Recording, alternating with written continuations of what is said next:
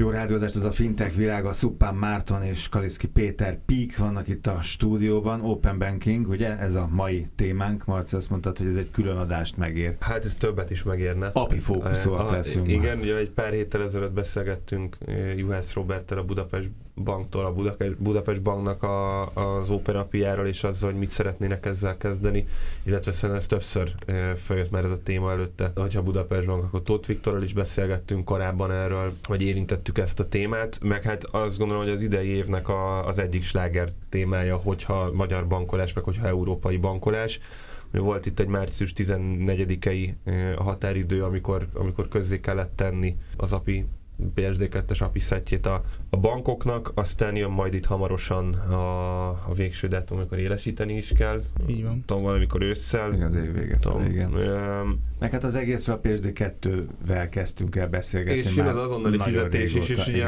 az is ugyanígy idei évben nagyon okosan két óriás terhet dobtak egyszerre a, a bankok nyakában, a, a nyakába, akik amúgy is lassan reagálnak ezekre, meg, meg sok nehézséggel küzdenek. Kíváncsi vagyok, hogy hogy fogjuk zárni az évet.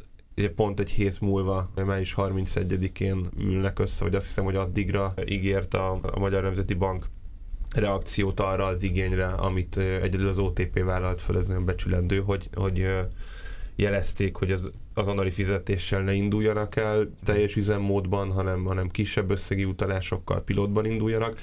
Most az azonnali fizetés úgy jön, de ez nagyon összefügg ez a, ez a kettő, tehát én szerintem az azonnali Majd fizetésnek az is az apikkal van együtt értelme. Belevetted abba a, a, terhekbe, meg a göröngyökbe a bankok vállalni, hogy most a néhány millió ügyfélnek is be kell zarándokolni, vagy valamilyen módon adatot is kell egyeztetni közben, Igen. tehát az is iszonyúan leterhelő őket. Én beszéltem éppen két pénzintézet két különböző fiókjában hölgyekkel és urakkal, hát ez hihetetlenül elvisz rengeteg időt meg energiát. Tehát a háttérben komolyan dolgoznak a bankok, de erről a vendégek is általában tanúbizonyságot e, Igen, úgyhogy ezért gondoltam, gondoltuk, hogy, hogy érdemes vetni erre egy pillantást, ezt most kifejezetten magyar fókusszal egyébként. Kicsit átismételnénk, hogy mi ez, miért kellett a bankoknak ezt meglépni, és hát megnézzünk egy-két egy-két konkrét bankot is, hogy Meg ők, hát fintech szemüveget is persze magunkon van. hagyjuk. Jó, hát akkor indulj neki, akkor fogalom magyarázással kezdjünk, Péter. Kezdhetjük, igen. Hmm. Köszöntöm én is a rádióhallgatókat. Na most mi is ez az open banking, és honnan indult? Ugye nagyjából azt kell tudni a bankszektorról, hogy a 20. század végéig, 21. század elejéig eléggé technológiában elég élen jártak, és azonban eljött az idő, amikor ők se tudták tartani a tempót, ami azt eredményezte, hogy különböző harmadik feles szolgáltatók megjelentek a piacon, és ennek megvoltak az előnyei, illetve a potenciális hátránya is, és ennek megelőzése érdekében szükség volt egy szabályzói környezetet megteremteni, ez lett ugye a PSD 2, ami törvényileg szabályozta, hogy milyen feltételek mellett vehetik igénybe a harmadik feles szolgáltatók a banki szolgáltatásokat, és ennek lett az eredménye az Open Banking. Hogy hogyan férnek hozzá az vagyonhoz, ami van, ott van a pénzintézetben, ugye? Igen. Pontosan. Ennek lett eredménye az Open Banking, ami lehetőséget teremtett a nyílt API használatra különböző harmadik feles szolgáltatók számára. És az általánosságban elmondható az informatikai piacra, hogy a fejlesztő csapatok egyre inkább támaszkodnak egymás forráskódjaira, és az API használat az a mai világban már gyakorlatilag elengedhetetlen, és a bankoknak ez, ez egy viszonylag nagyobb falat volt, hiszen korábban nem kellett más szolgáltatókkal együttműködni, kizárólag a saját szolgáltatásaikkal dolgoztak. Ezért, Azzal meg kompatibilisek voltak. Így van, pontosan. És azért a, igen, és azért a monolitikus banki rendszerekről tudni kell azt, hogy elég nehezen uh, változtathatóak, illetve elég nehezen tudnak alkalmazkodni a piaci körülményekhez, úgyhogy a bankoknak ez egy elég nagy falat volt, hogy megnyissák a szolgáltatásaikat. Ugyanakkor meg egyrészt kutya kötelességük, másfél meg érdekük is, ugye? Hogy, Így van, hogy ezt úgy tegyék meg, hogy ez hozzáférhető, hogy ez fogyasztható legyen a, a harmadik fél számára is. Pontosan. Ez azért, amit, amit mondasz, ez, ezen folyton beszélgetünk itt, meg mindig hmm. fölteszed ezt a kérdést, hogyha bankos vendég érkezik, hogy érdekük-e. Azért itt egy pár, pár bank vitatkozna igen, de én, én, én mindig józan paraszt arra gondolok, hogy a banknak, azt, azt mondtuk, és te mondtad, és ezt tőled hallottam talán először, nem tudom, most már három éve, hogy ez, ez az adat, az adata, az új olaj, meg az új arany, világos, ott van az adat, hogy ezt ő gazdaként áruba tudja bocsájtani, persze a user, az ügyfél beleegyezésével, az neki csengeni fog a kassa valamikor majd, ha ebből ő partnerként... Hát, ügyes, igen. Ha, hát jó, de én, én ezt így gondoltam végig, hogy ez ott van nála, a törvény is erre kötelezi, hát valahogy ebből profitálni is tud hiszen, hiszen ez a célja, gondolom, nem? Így van, hát alapvetően ebből a megváltozott piaci környezetből valószínűleg azon bankok tudnak nyertesen majd egyszer. kikerülni, Igen. majd egyszer, Most értem, akik, hogy teher. akik ezt jól tudják kamatoztatni, illetve látják ebben a lehetőséget. Most nyilván elsődlegesen itt a magyar piac ezt egy törvényi szabályzásként, nem pedig egy lehetőségként értelmezte. Így van. Meg. Jó, fintech szemüvegen keresztül? Nos, hát a fintech szemüvegen keresztül az apiknak a különböző minősége azért eltérő lehet. Ugye egy, egy apinak, ugye kezdjük az apinak a definíciójával, ugye az api az egy alkalmazás programozási interfész, ami tulajdonképpen egy programnak vagy egy alkalmazásnak a dokumentációját jelenti. Na most egy dokumentációnak a minősége az szokták mondani, hogy akár megkétszerezheti is egy fejlesztésnek az értékét. Na most egy API dokumentáció, hogyha fintech szemüvegből nézzük, akkor lényegesen eltér a különböző bankok esetében, és ugye minél igényesebb, minél jobban felhasználható egy ilyen do- dokumentáció, annál nagyobb értéket tud ez jelenteni egy fintech vállalkozás szemszögéből. Teljesen egyértelművé tegyük, bár szakmai szemmel egyértelmű volt, amit a, a Peti mondott, de hogy úgy képzeld ezt el, hogy annyira fontos egy ilyen, egy ilyen dokumentáció, és azért van ekkora értéke. Képzeld el azt, hogy kapsz egy baromi bonyolult gépet. Én, én, mondjuk, én egy autóra a, itt, van, itt, van ez a, itt van ez a keverő. Hát, föl tudom ütni. A, igen. Lehet, hogy, lehet, hogy belekerül több százezer forint, vagy nem tudom mennyi egy ilyen, vagy több millióba, de hogyha ideülök mellé, vagy ideül mellé akár egy szakértő, vagy te megkapsz egy tízzel újabb modellt, vagy nem mm. tudom, vagy egy más modellt, nehezen fogod tudni használni. Hogyha le van írva gombról gombra minden, hogy ezt, ezzel ezt csináld, ezzel azt csináld, akkor tökéletesen fogod tudni használni. Amúgy a, a technikai cikkekkel, vagy ezekkel a, akár egy autóval, stb. kapcsolatban tök egyértelmű, de azért itt, itt nagyon komoly horror sztorik vannak, a, a, nem is csak a pénzügyi de szektorban. Egy összeszerelhető bútornál is el lehet bukni. Így van, igen. Tehát, elhiszem, hogy akkor egy, egy banki alkalmazásnál, igen, igen. tehát az, az, az egészen biztosan. Jó, hazai körkép? Hazai körkép. Nos, a, a legnagyobb 20 kereskedelmi bankból 17-nek sikerült március 14-ére valamilyen formában elérhetővé tenni az Open Banking felületét. Na most az Open Banking, az Open API az egyrészt áll egy dokumentációból, másrészt pedig egy sandbox környezetből, ami tulajdonképpen egy virtualizált tesztkörnyezetet jelent. Na most a hazai bankok közül ezt elég kevesen tudták megugrani, hogy ez ténylegesen használható is legyen. Talán a kiemelendő példa az az MKB bank, aki ő volt az első magyar piacon, aki megnyitotta az API platformját, illetve a, a tesztkörnyezetét is.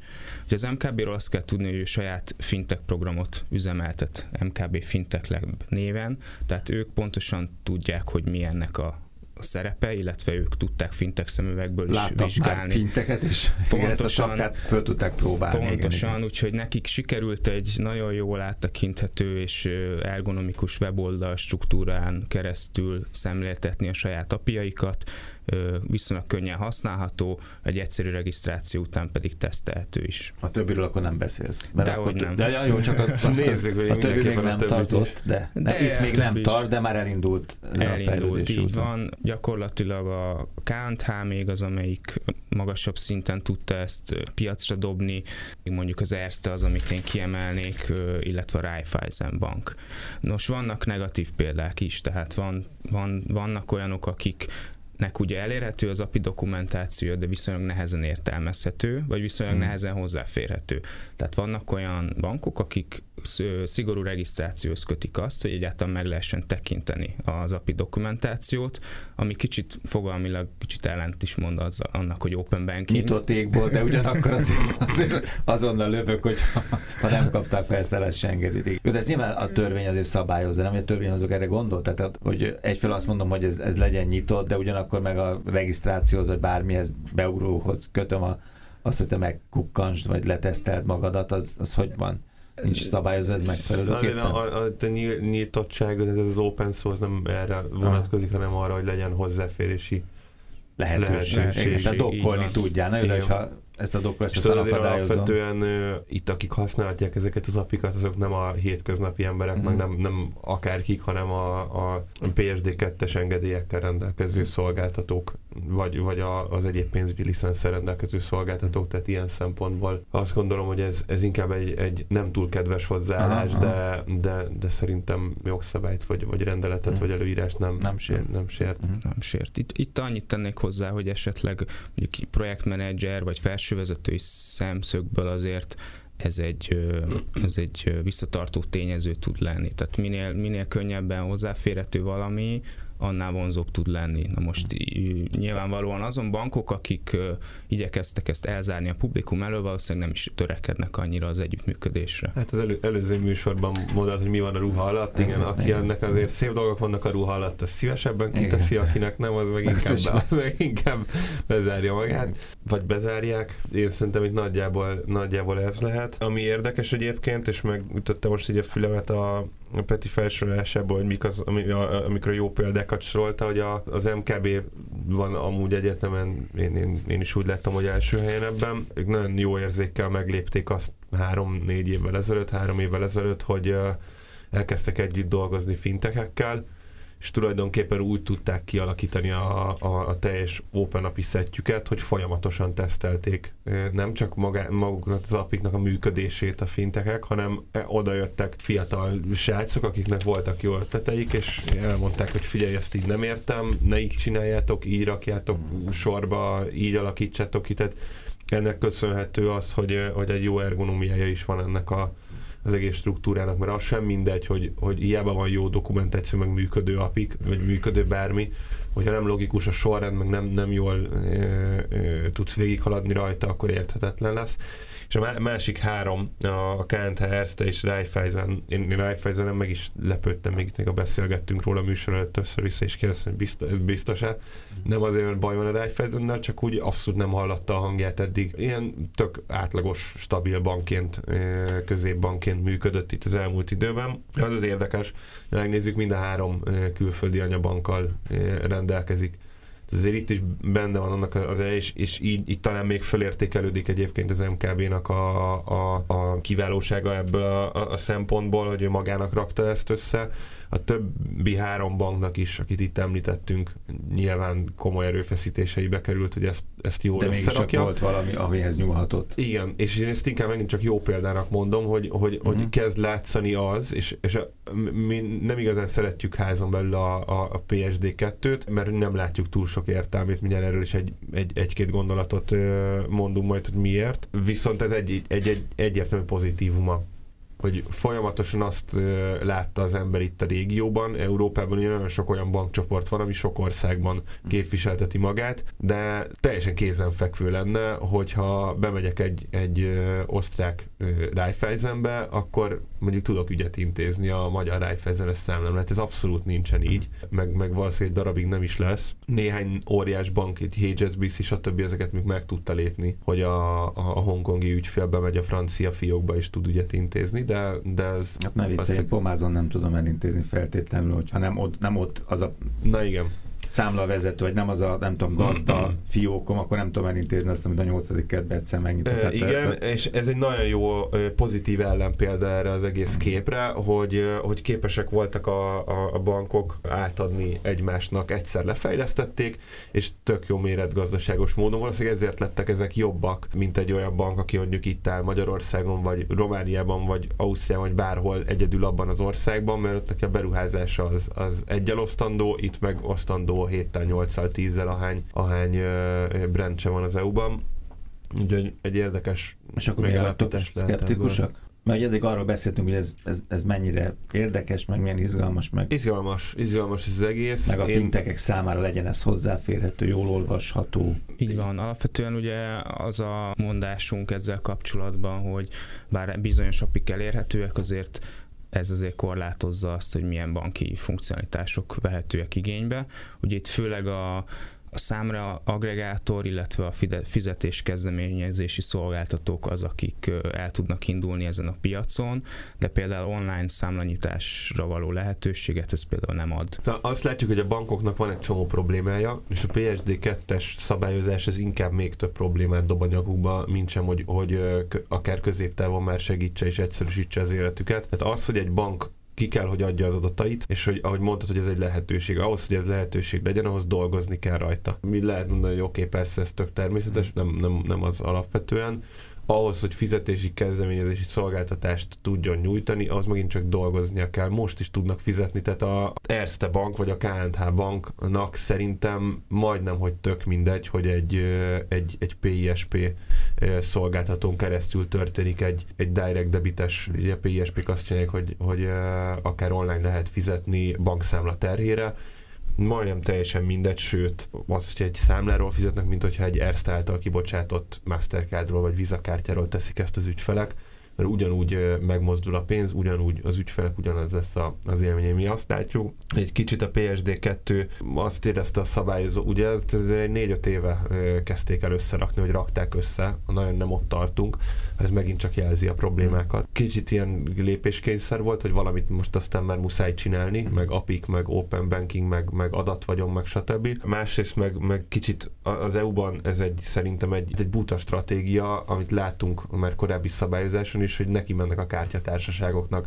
Itt le lettek vágva az interchange ezek a bankközi jutalékok, 0,2%-ra, egy-másfél százalékokról. Ez az az összeg, amit a, a kereskedő fizet az, a kibocsátó banknak, és a 0,2 százalék, mi ezt a piacot elég jól ismerjük, mert hogy ebből élünk. Ez 0,2 százalék, ez konkrétan nem képes fedezni az átlagos kosárértékkel, ami, ami 6-8 ezer forint ma Magyarországon. A kibocsátó a banknak, kibocsátó bank oldalán felmerülő költségeket. Tehát egy ilyen tök hülye helyzetet teremtettek elő és még egy EISP, PISP megoldással, meg az Open Apikkal neki mennek a kártyatárságoknak, mert gyakorlatilag ez, ez, ezt jelenti, és a bankoknak is problémát okoznak, és igazán globális, sőt Európa szintű megoldást sem fognak tudni hozni, mert ahhoz, hogy egy webshopba te most fölmenjél, bármilyen banktól van Mastercardot tudsz fizetni, bármilyen banktól van vizet tudsz fizetni, hogyha ott elérhetővé tesz egy egy nagy webshop, mondjuk egy Amazon, egy AISP alapú, vagy egy PISP alapú fizetési megoldást, akkor